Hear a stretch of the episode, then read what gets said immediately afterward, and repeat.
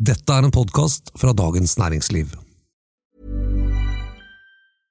This is Paige, the co-host of Giggly Squad, and I want to tell you about a company that I've been loving, Olive and June. Olive and June gives you everything that you need for a salon quality manicure in one box. And if you break it down, it really comes out to $2 a manicure, which is absolutely insane. It's also so easy to get salon worthy nails at home with Olive and June. The difference between how your nails used to look when you did them yourself and now with the Manny system is a complete game changer. The best thing about Olive and June too is it's a quick dry, dries in about one minute, lasts for five days, and full coverage in up to one to two coats. Visit oliveandjune.com slash perfectmanny20 for 20% off your first system. That's oliveandjune.com slash perfectmanny20 for 20% off your first system.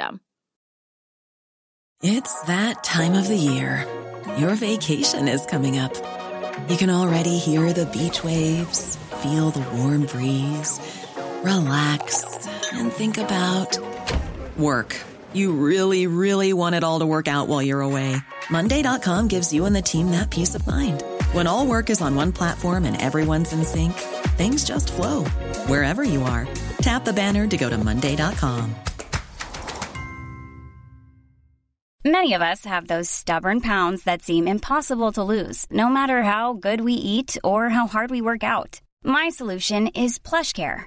PlushCare is a leading telehealth provider with doctors who are there for you day and night to partner with you in your weight loss journey. They can prescribe FDA-approved weight loss medications like Wagovi and Zepbound for those who qualify. Plus, they accept most insurance plans. To get started, visit plushcare.com slash weight loss. That's plushcare.com slash weight loss.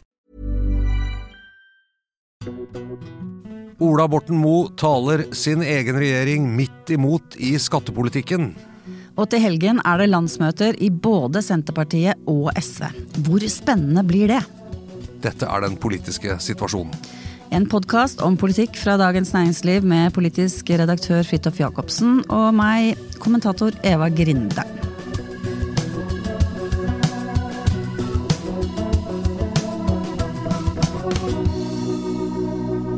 Ja. Det er flaks at vi har Ola Borten Moe, da, i hvert fall, Fridtjof.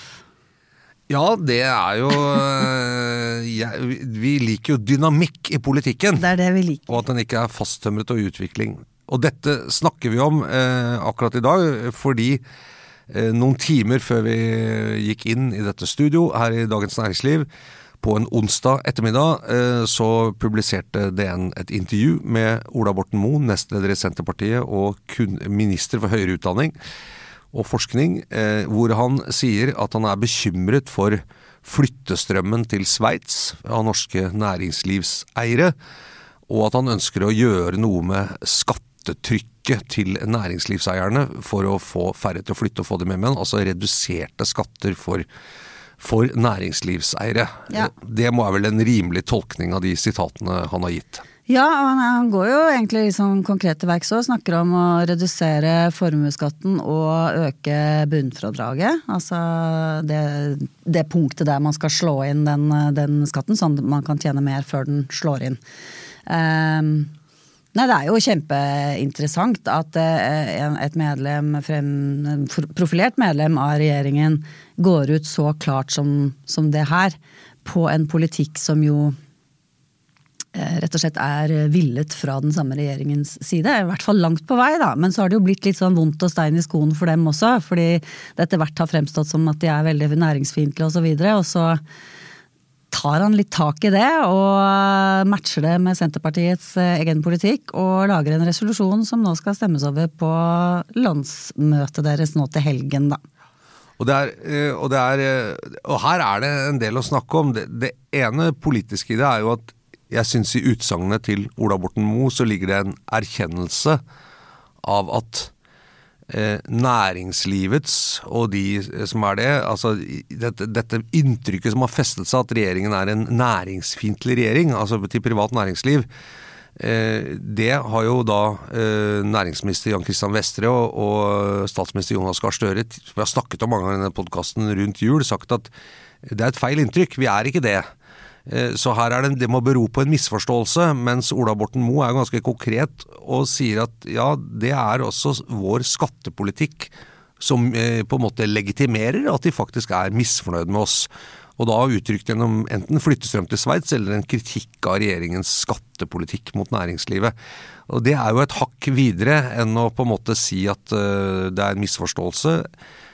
Men som de har sagt også, Trygve Slagsvold har sagt, at i krevende tider med dårligere råd, så må de som har mest bidra med litt mer. Det var jo det som ble sagt som, for å komme med dette. Og så sier han også en ting som som er litt sånn uklart. Han sier at, helt, som du også sa, han sier at han vil øke innslagspunktet for formuesskatt. Dvs. Si at en større del av folks formue kan være skattefri.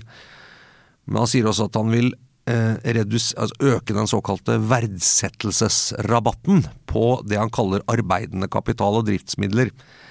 Det er litt vagt formulert, for hva betyr det? Men, men i Erna Solbergs regjering så var det slik at hvis du hadde en stor aksjeformue, så du så ble den verdsatt til en, eh, med en del prosent rabatt. Så hvis var, markedsverdien var eh, to millioner, så, så var den i skattemessig sammenheng bare verdt omtrent en million. da. Og, og denne rabatten ble redusert av, av Støres regjering, slik at verdsettelsen av aksjer og, og eierskap da, eh, Det var en høyere andel av det som rett og slett kom inn til beskatning.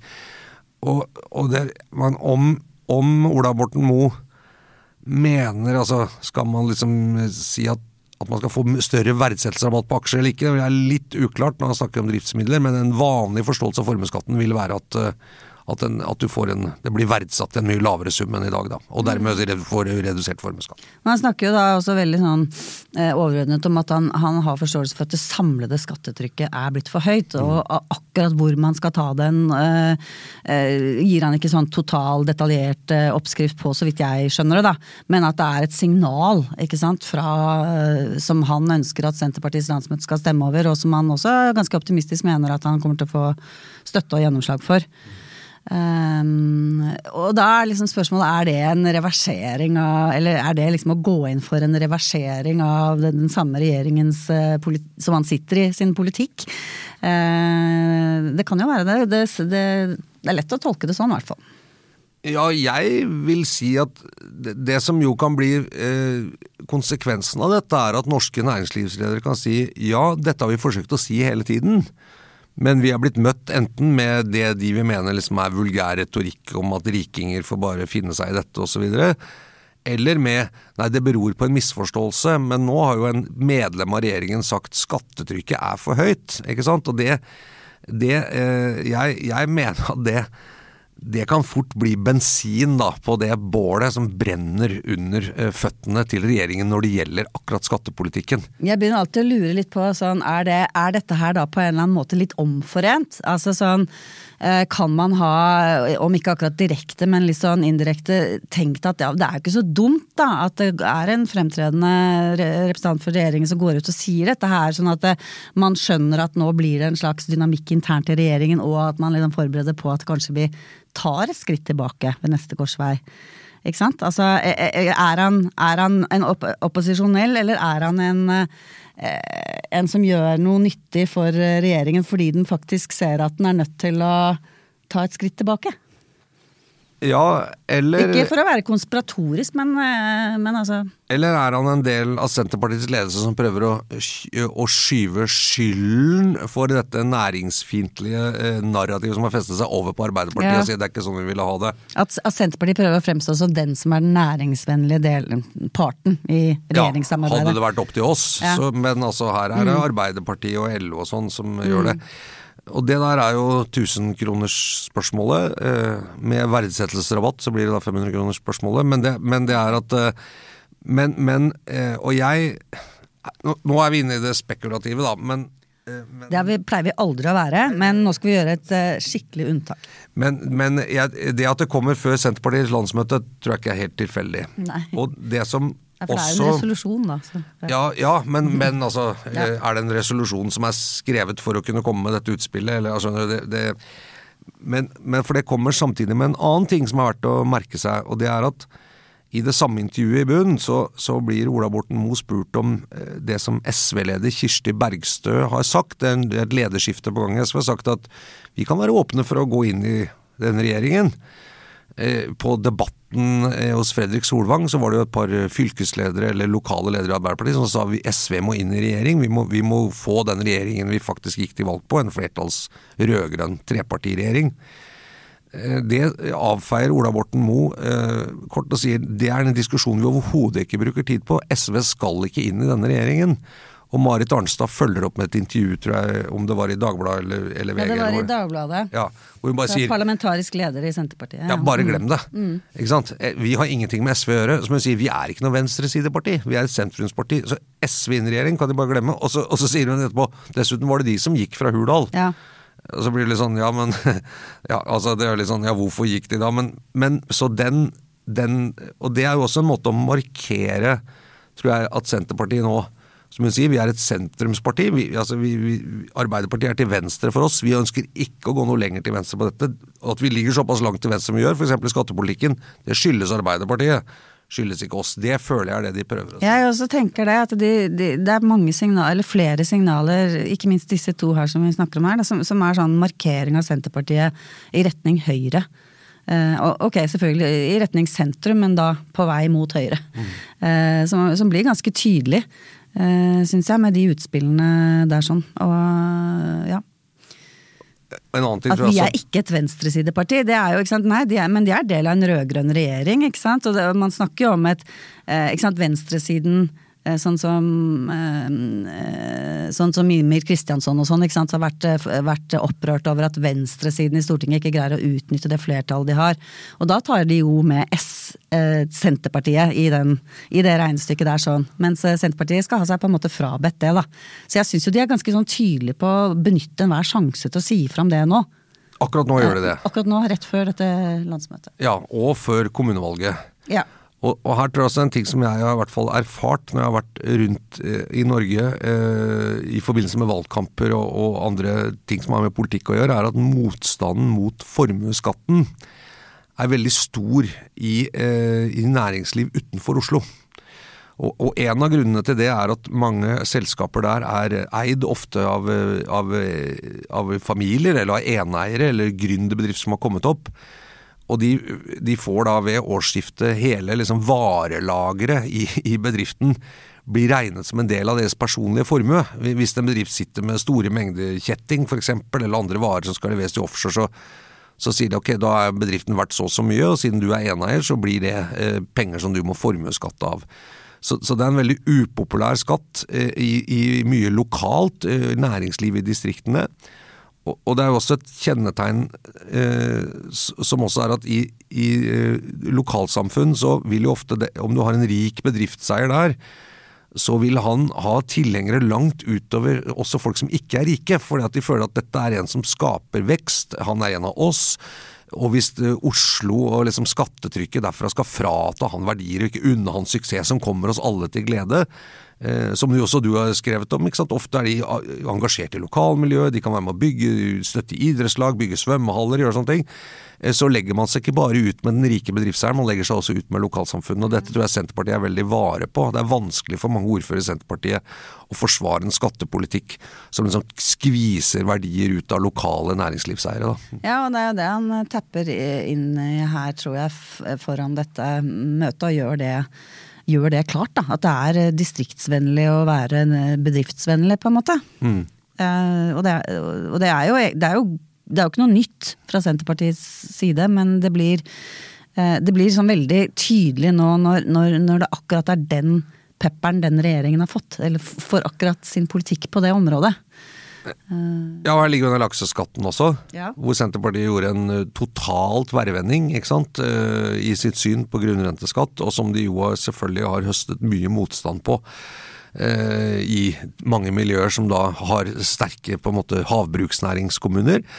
Men det som er litt, sånn, er litt krevende med dette, på, prøve å skyve dette over på venstresiden, og, og dermed vi har ikke skylda for det og sånn, er jo at Senterpartiet sitter med finansministeren som jo er den som utformer ja. eh, i siste hånd liksom, hvordan inndekning og skatt skal lages, og som og som jo eh, forsvarte alle disse skatteøkningene da budsjettet ble lagt frem. Eh, så det syns jeg også er litt interessant. Eh, liksom At dette her er for meg litt lite troverdig. Hvis, hvis, dette virkelig er Senterpartiets standpunkt at man skal ha lavere beskatning for næringslivet, så, så kunne de faktisk gjort noe med det da, da de lagde dette budsjettet.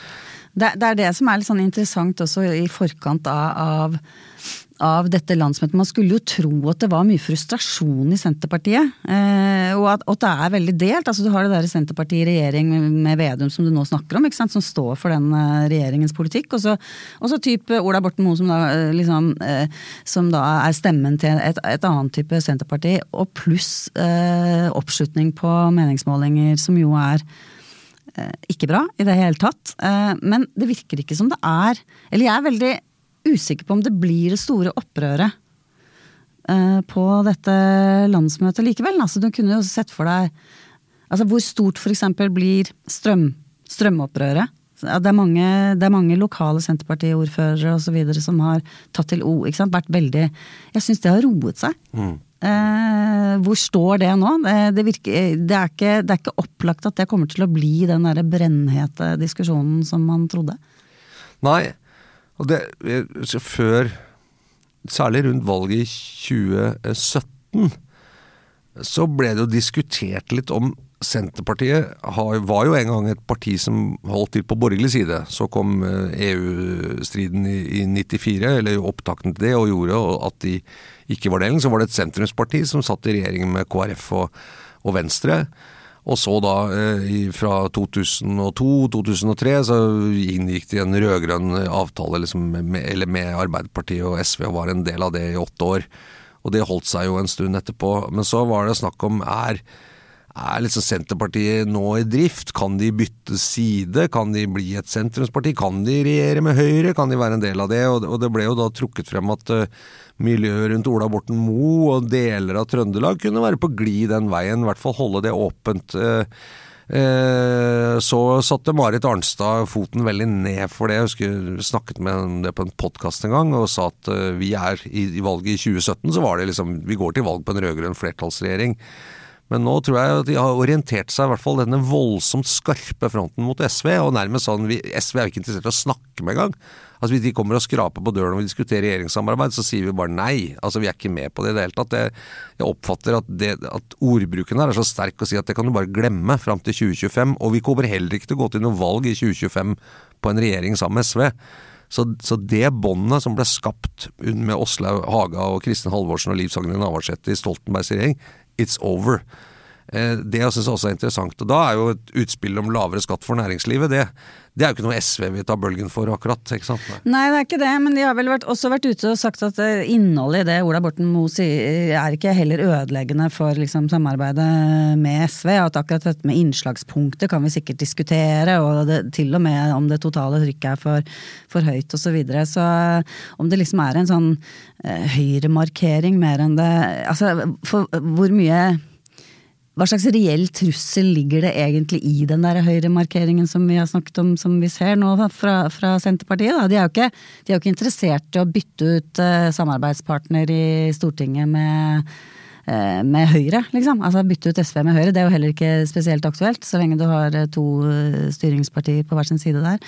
Men er det liksom ser vi for oss at de kommer til å bli så ubekvemme sammen med Arbeiderpartiet på litt lengre sikt at det er mer sannsynlig at de hopper over til Høyre. Jeg, absolutt, jeg tror det er ingenting som tyder på at de gjør det nå. Jeg tror de trives som, som bare det i regjering, og det tror jeg kanskje er noe av grunnen til at det ikke er større konflikter i det partiet òg. For de, de, sitter og, de, de, sitter tross alt i regjering. Det er noe av målet for veldig mange politikere, å sitte, sitte med hånda på rattet, liksom. Ja, og de har levert et eh, fett jordbruksoppgjør i fjor. Eh, de får reversert noen kommuner, som er viktig. Og det er åpenbart eh, mot Arbeiderpartiets vilje. Det så vi jo på debatten i går. Hvor Kjersti Stenseng vred seg og sa at sånn er det i en regjering. Av og til så må man gå med på noe man ikke vil. og de oppnår en del seire, da. gjør det. Oppslutningen er så som så, men, men man kaller liksom partiets eh, viktigste særinteresser som de representerer, får levert det de skal. Og det er nå tross alt det viktigste for et parti som Senterpartiet. Det er, det er viktigere enn oppslutning, tror jeg. Egentlig, der, der, skiller de seg litt fra Høyre og Arbeiderpartiet, som er avhengig av stor oppslutning for å komme i posisjon. Mm. Eh, og 6,5% så jeg nå på siste måling. Eh, ja, da Vedum tok over, så lå de og skrapte rundt sperregrensen, så de er på et sånn mer normalt Senterpartinivå, men de sitter jo med en unormalt stor makt til å være et parti som kanskje har et normalt nivå rundt 6 da. Eh, men det som slår meg litt, er at man kan tenke på et regjeringssamarbeid som at sammen så blir vi gode. Sammen så finner vi en politikk som er en slags eh, syntese av forskjellige standpunkter. Da ville det jo gitt mening også å ta med SV og si at den politikken her vil da bli en bred politikk. Eh, som kan ha appell, altså Regjeringspolitikk kan ha appell hos et solid flertall i befolkningen, og så kan de stemme på ulike partier. men, men vi har liksom litt avklart våre roller, og vi har alle ikke sant, Erna Solberg, typisk. Alle har sine roller å spille i dette samarbeidet, men sammen så, så sikrer vi flertall ved et nytt valg. Ja, for det er jo det vi egentlig Eller det er veldig vanskelig å få øye på hva er, må, hva er fortellingen til denne regjeringen? Hvor er det de, hvor, hvem er de, og hvor skal de? Ikke sant? Du har et Arbeiderparti som sliter med ja, med diverse ting med Senterpartiet internt, ikke sant. Altså nå også da med denne liksom høyreflørtinga til, til Senterpartiet, men også disse upopulære sakene som Arbeiderpartiet har vært nødt til å kjøre på. Eh, reversering av kommuner og reformer osv. Og, så og så har du et, eh, et, SV på utsiden som drar i andre retningen, ikke sant. Sånn at det, eh, det er et eller annet i hele konstellasjonen som gjør at det skulle nå veldig godt gjøres at det der hadde gått veldig bra. Ja, for det er noen, sånn, noen insidere som jeg har snakket med, sier at et regjeringssamarbeid kan være e, egentlig en ganske fortrolig kollegium med mennesker som sier at vi har alle roller å spille på utsiden, vi har interesser og partier å svare for. Men vi vil egentlig trekke i samme retning, men vi må spille av og til et spill hvor vi også viser at vi er uenige i ting og, og, og sånn og at vi har noen på en måte prinsipale standpunkter, og at vi må inngå noen kompromisser osv. Men, men liksom, det er en, et oversiktlig ting. Men en regjering kan også være en slags slagmark, eh, hvor alt er seier og tap. Altså Hvor alt på en måte er et regnestykke. Hvor mange seier har du fått, hvor mange seier har jeg fått? Hvor alt er en kamp og en konflikt. Og, og tradisjonelt har jo Senterpartiet blitt oppfattet som en sånn regjeringspartner. Fra, fra gamle sånn, politiske Seier liksom også internt. Uh eller man teller i seier og tap på en måte også internt i regjeringen? Ja, det var, jeg tror det var en statsråd, jeg husker ikke hvem det var, men i en tidlig borgerlig regjering som Høyre satt i med Senterpartiet, som, som sa kom med en sak, og så helt litt ut av det blå, så var Senterpartiet plutselig satt seg helt på bakbeina i noe som var langt utenfor det som var Senterpartiets politikkområde. Eller det som man oppfattet var viktige saker for det partiet. og da var det en erfaren politiker som hadde sagt til vedkommende statsråd at at eh, ja, men dette må du bare lære deg. Senterpartiet på en måte lager alt til nederlag for seg selv for at de da skal kunne få en seier i bytte ved neste korsvei. ikke sant? Det er den måten å drive Drive forhandlinger i hverdagen, på en måte. Men jeg, det bare slo meg nå mens vi mens vi satt her og pratet, eh, at eh, selvfølgelig så handler jo også de problemene til regjeringen Det blir jo sånn sirkelargument, da. Men med at når det går så dårlig, så er, det jo heller, så er det jo også utrolig vanskelig å overbevise noen som helst om at du har en retning og at du har et mål som det er verdt å støtte. Eh, ikke sant? Det, det blir så utrolig negativ spiral og dynamikk, og så kommer alle inn fra ulike ståsteder og forklarer hva som er årsaken. Ikke sant? Ja, ikke sant? Alt ettersom hva de syns, eh, hva som ligger deres hjerte nærmest. Sånn at det, det er ikke For du har jo eh, Altså, Støre og Vedum har jo og Vestre, hvis vi ser på liksom strømpolitikken, næringspolitikken osv., så, videre, så har de jo framstått som ganske sånn samla. Og forsøkt, i hvert fall. ikke sant? Og, og, men, men, det er bare at eh, det skal, det skal så godt gjøres å, å vinne hjertene når øh, når det er så mange som har, som har liksom noen interesser av å forklare hvorfor det går så dårlig med dem. Ja, og, og tjene på det. Ja. Uansett så eh, vil de som hører på den politiske situasjonen, så er det veldig interessant å lese dette intervjuet med Ola Borten Moe. Eh, jeg tror at det kommer til å eh, vekke ganske stor oppsikt, og jeg, jeg tror at det, jeg syns det, det, er et oppsiktsvekkende intervju, og at han går så konkret inn i, i noe som er så uh, betent for regjeringen, nemlig dette at det er en næringsfiendtlig regjering. Eh, at den er fiendtlig innstilt og ønsker liksom å straffe privat næringsliv. og det, jeg, jeg, skjønner at Senterpartiet ikke kan være med på det, men jeg, men jeg syns når nestlederen i regjeringspartiet går ut og sier at ja, det er ikke helt uten grunn at de, at de er sure og, de, og at de tror at vi misliker dem, for vi har gitt dem altfor mye skatt. Eh, det er, jeg si, det, er, det er, friske takter, da. Det er friske takter. Mm. Og de, de, de, to altså de har jo to andre sånne resolusjoner som også, som også, egentlig på en måte taler regjeringen midt imot, og det går jo på, på strøm og hvordan eh, ta tilbake kontrollen på, på det systemet. og sykehusene også, styringen av sykehusene. Altså få inn fylkespolitikere igjen og liksom løse opp i den foretaksmodellen. Uh, og det er jo også veldig kontra Arbeiderpartiet. Mm. Det er sant, Men på, på, strøm, der har de på en måte sagt det ganske mye hele tiden. Ja, men dette så det, er, det er liksom ikke, så, i siste ja. runde, ja. Uh, så, så det, det som politisk der vet man jo at de er litt uenige. Men, uh, men jeg, jeg, trodde jo faktisk, da, kanskje naiv, men jeg trodde at når, når, Vedum er finansminister, at den skattepolitikken vi har er noe da som Senterpartiet mente var den riktige skattepolitikken. Uh, så man er spent å se om han nevner dette i landsmøtetalen sin, Vedum. da. Uh, har kanskje en mistanke om at han prøver å gå rundt det, men jeg, er helt sikker på at vil få spørsmål om dette. Og dette intervjuet fra Borten Moe, det, ja, det er litt spent på hvordan det blir mottatt internt i regjeringen, særlig ja. i Arbeiderpartiet. Jeg var, jeg, var, jeg var, litt overrasket også over at uh, SV var så raske til å si at dette det er ikke egentlig noe store vanskeligheter med dette utspillet, men uh, Vel, vel. Vi får se. Vi får nå se. For vi må snakke litt om SV også, for de har også landsmøte nå i helgen. Eh, de er jo i en litt annen situasjon. De er jo holdt eller utenfor da, av eget valg, eller om det var umulig. Det er litt sånn høna eller egget-diskusjon, tror jeg, det der med SVs exit fra Hurdalsforhandlingene. Men, men Hva mener du? Nei, altså Valgte de selv å gå, eller ble de satt i en situasjon hvor de ikke hadde noe annet valg enn å gå? ikke sant? Og hvem var det egentlig som var den egentlige grunnen til at de ikke er med i denne regjeringen? Mm. Eh, det, det, tror jeg at vi må kanskje vente på, på, selvbiografiene før vi får den enkle grunnen. Og selv der kan det være forskjellige versjoner. Men, men det til side, det er jo et landsmøte som er inne i en, et eh, slags, eh, ja, om ikke pokerskifte, så er det jo da ved et lederskifte. Og det er jo alltid spennende og litt sårbart i, en, i et parti, når man har en ny leder etter å ha hatt den i mange år. Ryktet sier at det var Lysbakken som ville reise seg fra det bordet, eller som fikk dem til å gå. Så, men uh, hvem vet? Ja. It's that time of the year. Your vacation is coming up. You can already hear the beach waves, feel the warm breeze, relax and think about work. You really, really want it all to work out while you're away. Monday.com gives you and the team that peace of mind. When all work is on one platform and everyone's in sync, things just flow wherever you are. Tap the banner to go to Monday.com. Hey, it's Danny Pellegrino from Everything Iconic.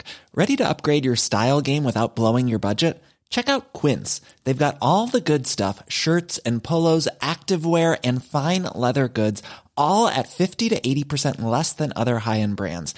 And the best part? They're all about safe, ethical, and responsible manufacturing. Get that luxury vibe without the luxury price tag. Hit up quince.com slash upgrade for free shipping and 365 day returns on your next order. That's quince.com slash upgrade.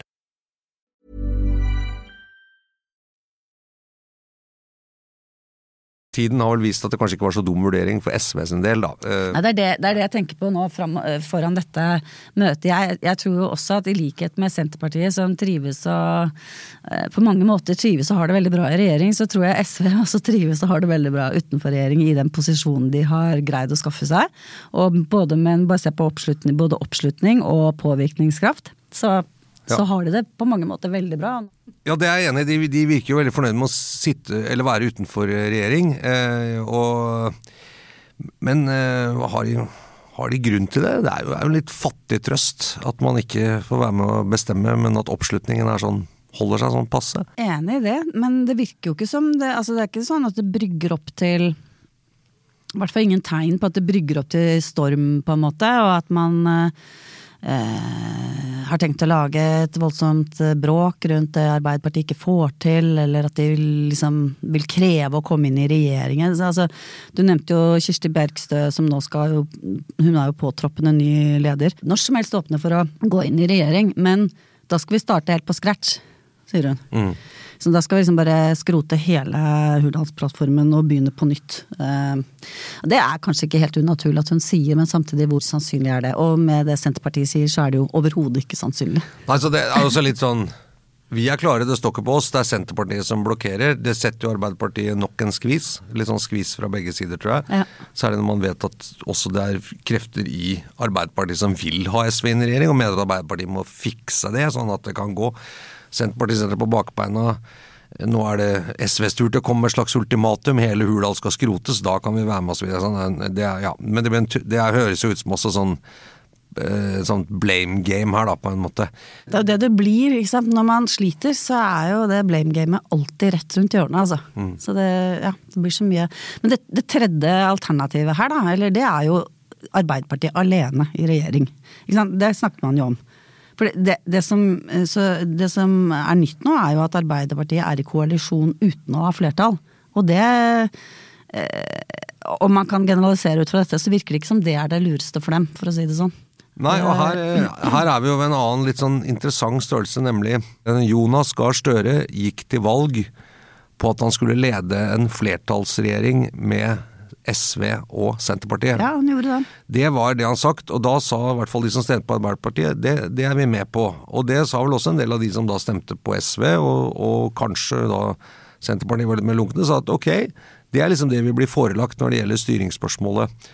Eh, Så, så løp han fra det løftet, eller det var kanskje ikke mulig, eller hva det var. I hvert fall ikke om, det var, eh, om han ikke fikk det til, eller om det aldri var realistisk at de kunne sitte i Det vet jeg ikke, men Da du tenker på? Det, altså det brøt jo sammen, de forhandlingene. Eh, ja, men, ja, men At det eh, kanskje aldri egentlig var realistisk. Støre sa jo også etter valget og at samtalen er i god gang, og sa til sitt eget landsstyre at liksom eh, løypemeldingen er god osv., sa han på den trepartiregjeringen. Så, så på et eller annet tidspunkt må det da realiteten ha kommet. Jeg, jeg, tror nok, jeg tror ikke man kan si at Jonas Gahr Støre visste da han gikk inn i valgkampen at det var helt usannsynlig at dette skulle gå. Jeg, jeg tror han trodde at det var mulig. Men det viste seg at det var ikke mulig, da. ikke sant? Og så kan man si var det fordi at partiene plutselig ble helt annerledes oppe i Hurdal enn det de hadde vært før? Eller var det fordi man ikke fordi man hadde vært urealistisk? Jeg, jeg vet ikke. Eh, Vi Men, hadde snakket for lite sammen, ja. Også kanskje Ja. ikke visste helt hvor dypt det stakk og Kanskje litt sånn dette er, dette er det lureste vi kan gå til valg på, og så får vi heller ta problemene når de kommer. ja, men da blir det jo et litt, veldig hult løfte, da. Det blir jo det. Det blir jo en intensjon, på en måte, og ikke et eh, Men, eh, men det som det som jeg tror er vanskelig, er at det hvis han nå skal si, og særlig da med så elendig oppslutning som han har si at nei, nå skal vi styre alene. Det tror jeg det, det vil jo bli veldig krøllete. Med hvilken liksom, legitimitet og autoritet kan han gjøre det nå? Nå er det ikke sant? aktuelt, uh, antagelig. Uh, nei. Men, og- eh, og- men hadde det vært bedre for dem, liksom? Bare sånn tankeeksperiment, det er det. Ja, hvilket flertall skal han ha? Nei, det blir det, jo han litt her og litt har ikke der. noe flertall, venstresideflertall uten Senterpartiet. Nei. Det er ikke nok med Rødt og SV og MDG. Nei. Og sånn sett hadde det er Senterpartiet blitt helt heller, det er ikke sant? Senterpartiet hadde jo da begynt å hoppe vilt fra sak til sak og bli mye mer uforutsigbart for dem, kanskje. Ja, altså, jeg, tror det, jeg tror det er litt sånn jeg, jeg, Noen i Arbeiderpartiet som har ment det, og ment, i hvert fall kanskje for et år siden så var det som mente det, men da tenker jeg sånn, det er jo ikke, det er ikke helt realistisk, da. For hvor skal du finne da det grunnlaget? Det, det er ikke som i gamle dager da Arbeiderpartiet hadde 5, 36, 37 og kunne man måtte hente støtte fra det var mindretallene hente støtte, men da var de så veldig dominerende mye større. Det er de jo ikke lenger. Jeg tror det er Nei, og det er ikke, ikke spesielt realistisk at Senterpartiet går ut Eller det er helt urealistisk at de går ut av regjering, som jo noen har tatt til orde for nå, at de må ut av regjering fordi at de ødelegger for Arbeiderpartiet. Så, så jeg tror vi har å gjøre med en Arbeiderparti-Senterparti-regjering og et SV på utsiden, og at disse to landsmøtene kommer til å på en måte befeste de rollene de har vis-à-vis regjeringsprosjektet, da. Ja, jeg tror, jeg tror jeg har rett til det. Og så er det jo litt spennende med SV. Akkurat da lederskiftet ble lansert, så var det jo kommet Bergstø eh, til å ta partiet liksom ytterligere ut til venstre. Med Nato-spørsmålet, krigen i Ukraina osv. Vi har vel ikke sett så mye i opptakten der. Eh, ser ut som du planlegger litt for stø kurs, men det er en viss dramatikk rundt det ene nestledervervet. Eh, Så der kan det bli litt sånn fight, tror jeg, og telling og, og litt dramatikk om Torgeir Knag Fylkesnes blir gjenvalgt som nestleder, eller om de får en ny nestleder eh, inn der. Eh, og det kan også ha litt Og så er det jo litt hvordan blir sentralstyret sammensatt der, osv. i SV. Men, men jeg, Jeg tror selv om Bergstø-signalene er at det blir stø kurs fra Lysbakken på SV, og det skal være en forutsigbar samarbeidspartner med regjeringen osv., så, videre, så så er jo sånne lederskifter kan jo liksom få en slags politisk nyorientering i retning da, mot den ene eller andre siden. Så jeg får se litt, men det, det er ikke sikkert man ser det allerede på landsmøtet. Nei, og så, så er vel SV i hvert fall sånn sånn som Lysbakken understrekte veldig, da, altså, kanskje mer enn andre partier også, der lederen er på en måte den som skal håndheve partiets vilje. Altså at de er mer sånn pragmatiske på det enn en andre også. Sånn at eh, selv om Bergstø er Hun er jo kjent for å være til venstre, stå på venstre til venstre i SV, så er det ikke sikkert hun drar hele partiet til venstre. Altså at hun kommer til å være lydhør for hva, selve, hva, hva partiet vil, da. Ja, mens Rødt er liksom kanskje et mer sånn uh, aggressivt og, og, mindre samarbeidsorientert parti. Nå er det jo heller også sånn at Jonas Gahr Støre har sagt at han vil ikke samarbeide med noe uansett. Så er vel SV opptatt med et litt mer sånn pragmatisk og løsningsorientert venstresideparti, da, hvis du kan snakke om, eh, om en liten nyanse der. Så får man jo se om og så lenge, da, så lenge da SV er større enn Rødt og har en ganske solid oppslutning, så, så vil jeg tippe at de fortsetter på den kursen. Men hvis de blir mye mindre enn Rødt, eller MD mindre enn MDG, og begynner å slite med det, så kan det jo hende de må ha en kursomlegging. Da. Men det, blir, det er jo det eksempelet i det Nato-spørsmålet. For der er det jo veldig mye som tyder på at de kommer til å, å, å legge om politikken. De har jo vært mot Nato, men mens de nå skal måtte vedta et eller annet som går i retning av at sånn som situasjonen er nå, så bør vi vel kanskje ikke være mot Nato akkurat nå. Nei, vi skal ikke melde oss ut, i hvert fall. I hvert fall ikke akkurat nå. Eh, og at eh, selv om eh, Bergstø har vært litt, litt mer mer på den anti-Nato-siden, så tror jeg ikke Det er ikke noe som tyder på at hun kommer til å liksom kjempe for å for å få gjennom sitt syn der, da. Nei, det virker som det er veldig mm. rolig avklart. og avklart ja. om akkurat mm. dette Nato-tingene. Og der var det jo mye raskere enn Rødt med på en måte å havne på det som er riktig side, også hos mange av velgerne. Da tror jeg Rødt har jo slitt veldig med å liksom De prøver å trekke seg over litt på det som de oppfatter er den riktige siden, men det men de sliter mye med det. Men eh, begge landsmøtene blir jo spennende. Eh, Får håpe på flere freske intervjuer fra nestleder og andre som kan eh, sette litt fyr på ting. Så, så, men vi, vi, konkluderer vel med at i denne utgaven av den politiske situasjonen så var det Ola Borten Moe som, eh, som reddet dagen, kan vi vel si med sitt intervju. kan vi ikke det? Jo, han gjorde det. Så får vi se om det blir noe lavere beskatning for næringslivet da, i neste statsbudsjett. Eh, hvis ikke så har vel Ola Borten Moe vist at hans makt over norsk politikk er meget, eh, meget, meget uh, liten. Ja, men vi har trua.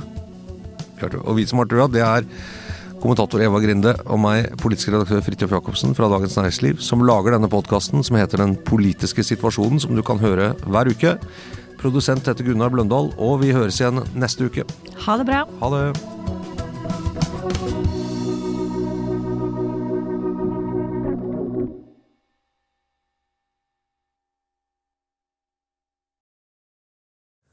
har nå hørt en podkast fra Dagens Næringsliv.